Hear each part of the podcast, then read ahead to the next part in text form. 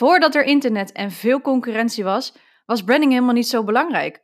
Maar vandaag de dag hebben we zo vreselijk veel keuzes in allerlei producten en diensten dat een branding nu super belangrijk is geworden. Daar vandaag meer over in deze podcast. Hey, je luistert naar de Web Branding Podcast. Met deze podcast neem ik je mee in de wereld van websites, branding en design.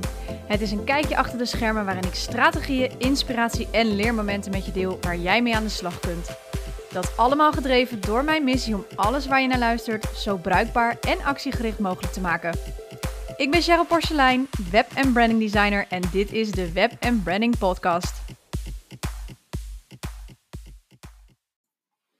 Hey, hey, hey. Welkom bij aflevering 2 van de Web Branding Podcast. En in deze aflevering ga ik je vertellen waarom investeren in branding nou zo vreselijk belangrijk is. Een sterke branding zorgt er gewoon namelijk voor dat je kunt opvallen tussen de concurrentie. Lukt dan niet, dan red je het ook vaak niet.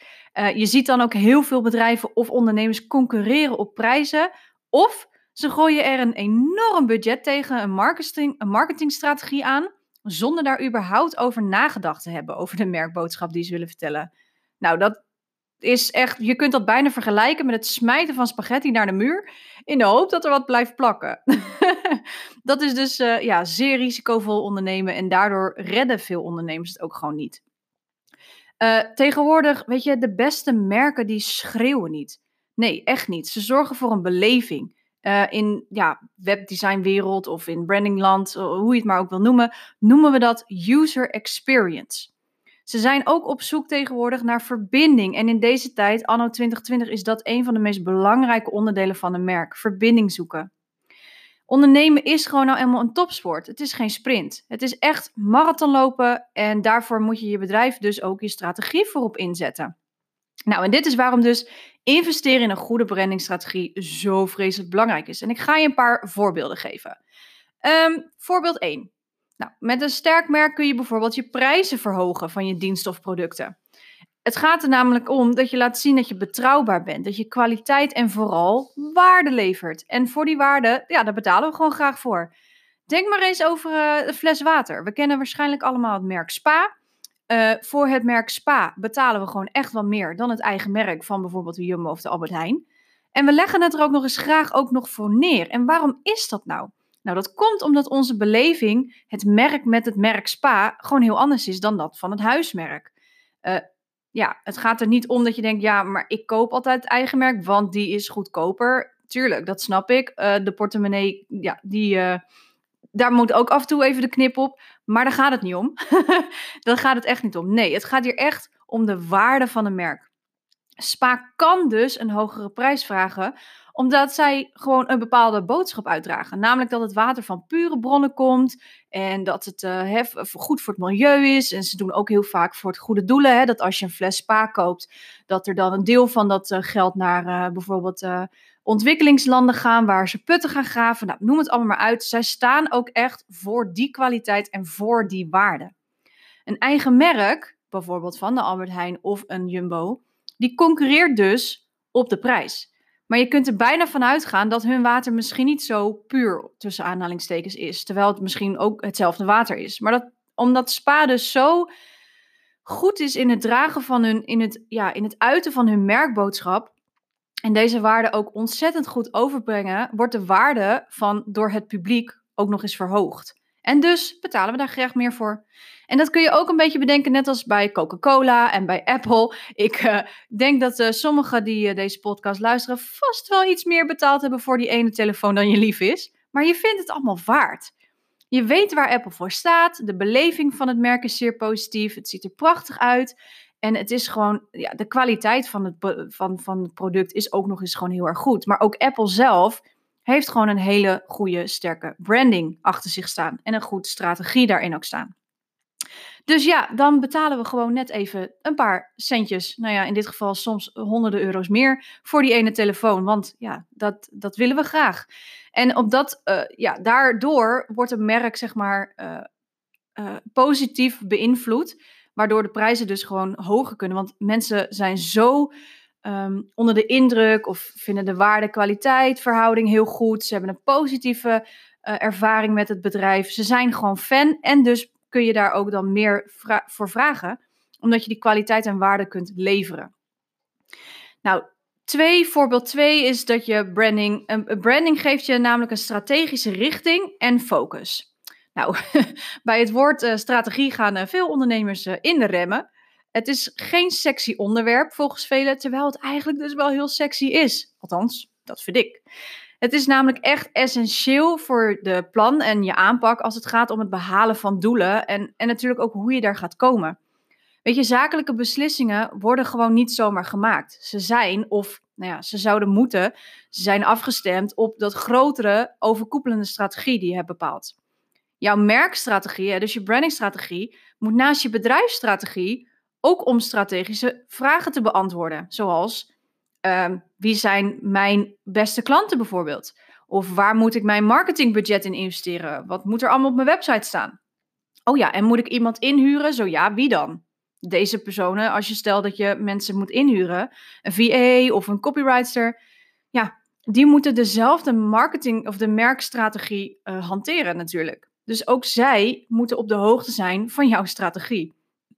En dan rest nog de vraag: welke kansen moet ik meer gaan pakken?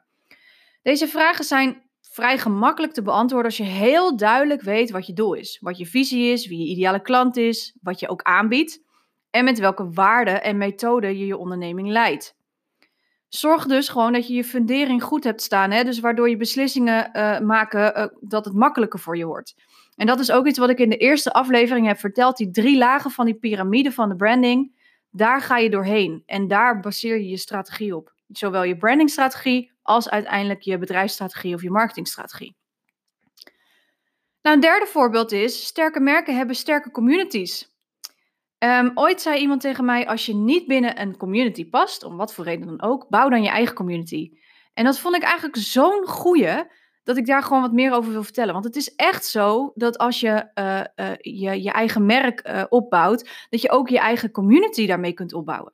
En het gaat hier om mensen, slash klanten, noem het maar even, je doelgroep, om je heen verzamelen die iets van je vinden. En de vragen daarbij zijn natuurlijk van, ja, wat zegt iemand over jouw onderneming? Zijn ze fan? Denk bijvoorbeeld eens aan, aan iPhone, iPhone, iPhone of Samsung. Uh, twee compleet verschillende merken met twee compleet verschillende communities. En voor jou hoeft het natuurlijk niet zo groot te zijn, hè? want dit zijn bedrijven die al jaren meegaan en die hun brandingstrategie zo goed op orde hebben dat zij blijven groeien.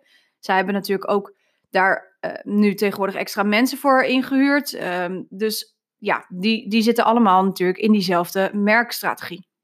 Maar we kunnen ontzettend veel van dit soort grote bedrijven leren, want zij hebben hun eigen community gecreëerd. Zij zijn natuurlijk ook niet uh, meteen met, uh, met 3, 4, 5 miljoen of miljard uh, begonnen. Hè? Zij zijn ook gewoon op de zolderkamer of op de slaapkamer begonnen met hun bedrijf. Dus houd, laat het je vooral niet tegenhouden. Ga ervan leren in dit geval. Um, maar stel, hè, ze hebben hun eigen community. Dus iemand die Samsung gebruikt, zal namelijk niet zo snel overstappen naar iPhone. Misschien omdat ze daar de positieve ervaring niet mee hebben. En dat met Samsung wel. Of misschien dat de mensen die een Samsung hebben, dat die de kwaliteit of de processor of bepaalde dingen beter vinden dan Apple of dan iPhones. Of misschien ligt het wel aan, het, aan, de, aan de, uh, het, um, de merkboodschap achter, het, uh, achter de bedrijf, en et cetera. Dus dat die bij Samsung wel resoneert met die ene persoon en die van iPhone niet. Weet je, dat kan allemaal. Maar ze zijn dus zo fan van een merk dat er bijna een soort van clash ontstaat. je bedoel, kan ook wel eens Apple vs Samsung, weet je wel? Dus doordat ze een sterke branding zo hebben gecreëerd, creëer je als het ware ook je eigen gratis marketingteam. En dat is, ja, dat begint wel echt met een, ten eerste een hele goede strategie, maar ook dat je echt weet waar je voor staat, dat ze echt ook um, je waarde laat zien en dat je, dat je mensen van dienst kunt zijn om, wat, om welke manier dan ook en zij willen dus ook dat, dat jij dat merk gaat gebruiken. Dus Samsung en Apple hebben ieder een eigen ja, community slash fanbase, maar eigenlijk ook hun eigen marketing, gratis marketingteam. Want zij willen graag dat jij dat merk ook gaat gebruiken, omdat hun ervaring, de waarde en de kwaliteit van het merk gewoon zo goed is, dat ze willen dat iedereen dat eens zou moeten ervaren. Nou, je kunt bij jezelf dan afvragen van hoe zou jij dat doen? Hoe zou zoiets voor jou eruit zien? Wat voor soort community zou jij nou willen? Dat zijn echt wel eens vragen wat heel erg leuk is om over na te denken, om eens te kijken van, oké, hoe zou ik nou als kleine ondernemer dan in dit geval, je wilt gaan groeien, hoe zou voor mij zoiets eruit zien? En wat voor soort ehm, mensen wil ik dan in mijn community? En hoe kan ik ervoor zorgen dat mensen uh, fan van mij gaan worden? Dat ze de waarde zien die ik kan leveren, dat ik uh, laat zien dat de kwaliteit bij mij heel goed is. Ja, dat ze dus wel wat meer betalen. De markt wordt zo vreselijk kapot gemaakt door ondernemers die concurreren. Eh, en ook bedrijven hoor, grote bedrijven ook, die concurreren op prijzen. Weet je, je kan het bijna niet meer serieus nemen als iemand bijvoorbeeld in mijn branche voor een logo 50 euro vraagt. Dat gaat niet. Dan kan ik je echt bij deze op het hart drukken dat dat gewoon onmogelijk is om dan kwaliteit en waarde te verwachten. Dus hou dat ook alsjeblieft in je achterhoofd. Dat als je aan de slag gaat met je merk en je prijs gaat verhogen, ehm, dat je heel goed laat zien waarom je dat dan doet. Want je kan wel je prijzen verhogen natuurlijk, maar je moet wel die waarde en die kwaliteit blijven leveren. En als iemand ineens lager gaat zitten dan jou, dan moet je je daar echt bij afvragen. En dan hangt het er natuurlijk vanaf hoeveel lager dat is. Maar stel dat jij uh, veel meer doet dan puur en alleen een logo ontwerpen. Hè, je gaat helemaal met de klanten uh, uh, ja, zitten. Je gaat verschillende dingen vragen, zodat je echt iets op maat kunt maken. Dan moet je je afvragen of dat eenzelfde persoon die dat ook aanbiedt voor 50 euro en jij bewijst voor 500 euro, of die persoon dan voor 50 euro net zoveel kwaliteit en waarde kan leveren als jij. En um, dat zijn echt, ik vind dat heel zonde van de markt waarin we tegenwoordig zitten, dat we, dat we alles zo goedkoop mogelijk willen, maar er uiteindelijk achter komen dat ja, goedkoop gewoon duurkoop is. En dat vind ik zo verschrikkelijk zonde. En ook daarin redden veel ondernemers het dus dan niet, omdat ze het bedrijf, hun eigen bedrijf, niet serieus nemen, geen strategie hebben en het dus gewoon niet redden. Heel depressief bijna, hè? Nee, oké. Maar uh, het laatste punt wat ik je nog even met, wil, met je wil delen, is eigenlijk gewoon, met een sterk merk kun je ondernemen. Wat ik net al zei, als merken geen goede brandingstrategie hebben um, en dit ook niet goed uiten, kunnen uiten, dan kun je ook niet ondernemen. Want als je een merk bouwt, word je om veel meer bekend dan alleen je producten of diensten. Uh, je wordt namelijk bekend om bijvoorbeeld je doel, je visie, hè, wat we met Spa uh, hebben gehad. Um, je mensen, wat Apple, hè, Samsung, uh, die gratis, bijna een gratis marketingteam, uh, de community die ze hebben opgezet.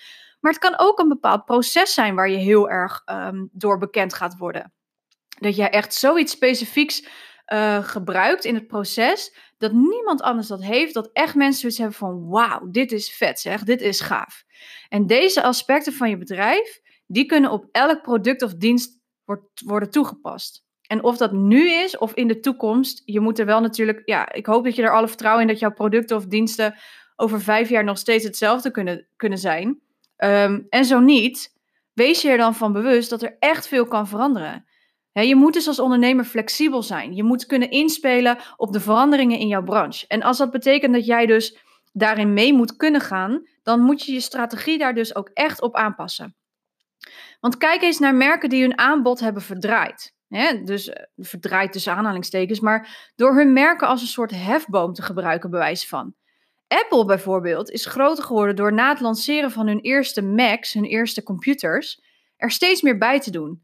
ze, hebben nu, uh, ze begonnen toen met iPods volgens mij, dat was echt nog wel heel vroeg. Uh, daarna kwamen de, de, de telefoons, de iPhones, de tablets. En allemaal dankzij hun sterke merk en hun trouwe klanten. Zij luisteren ook naar de klanten. En ze zien ook die ontwikkelingen binnen die branche van hun bedrijf. En dat betekent dat ze daarop in kunnen spelen, omdat zij de middelen daarvoor hebben. En omdat zij gewoon een hele, hele sterke strategie hebben staan. Zowel een marketingstrategie als die brandingstrategie.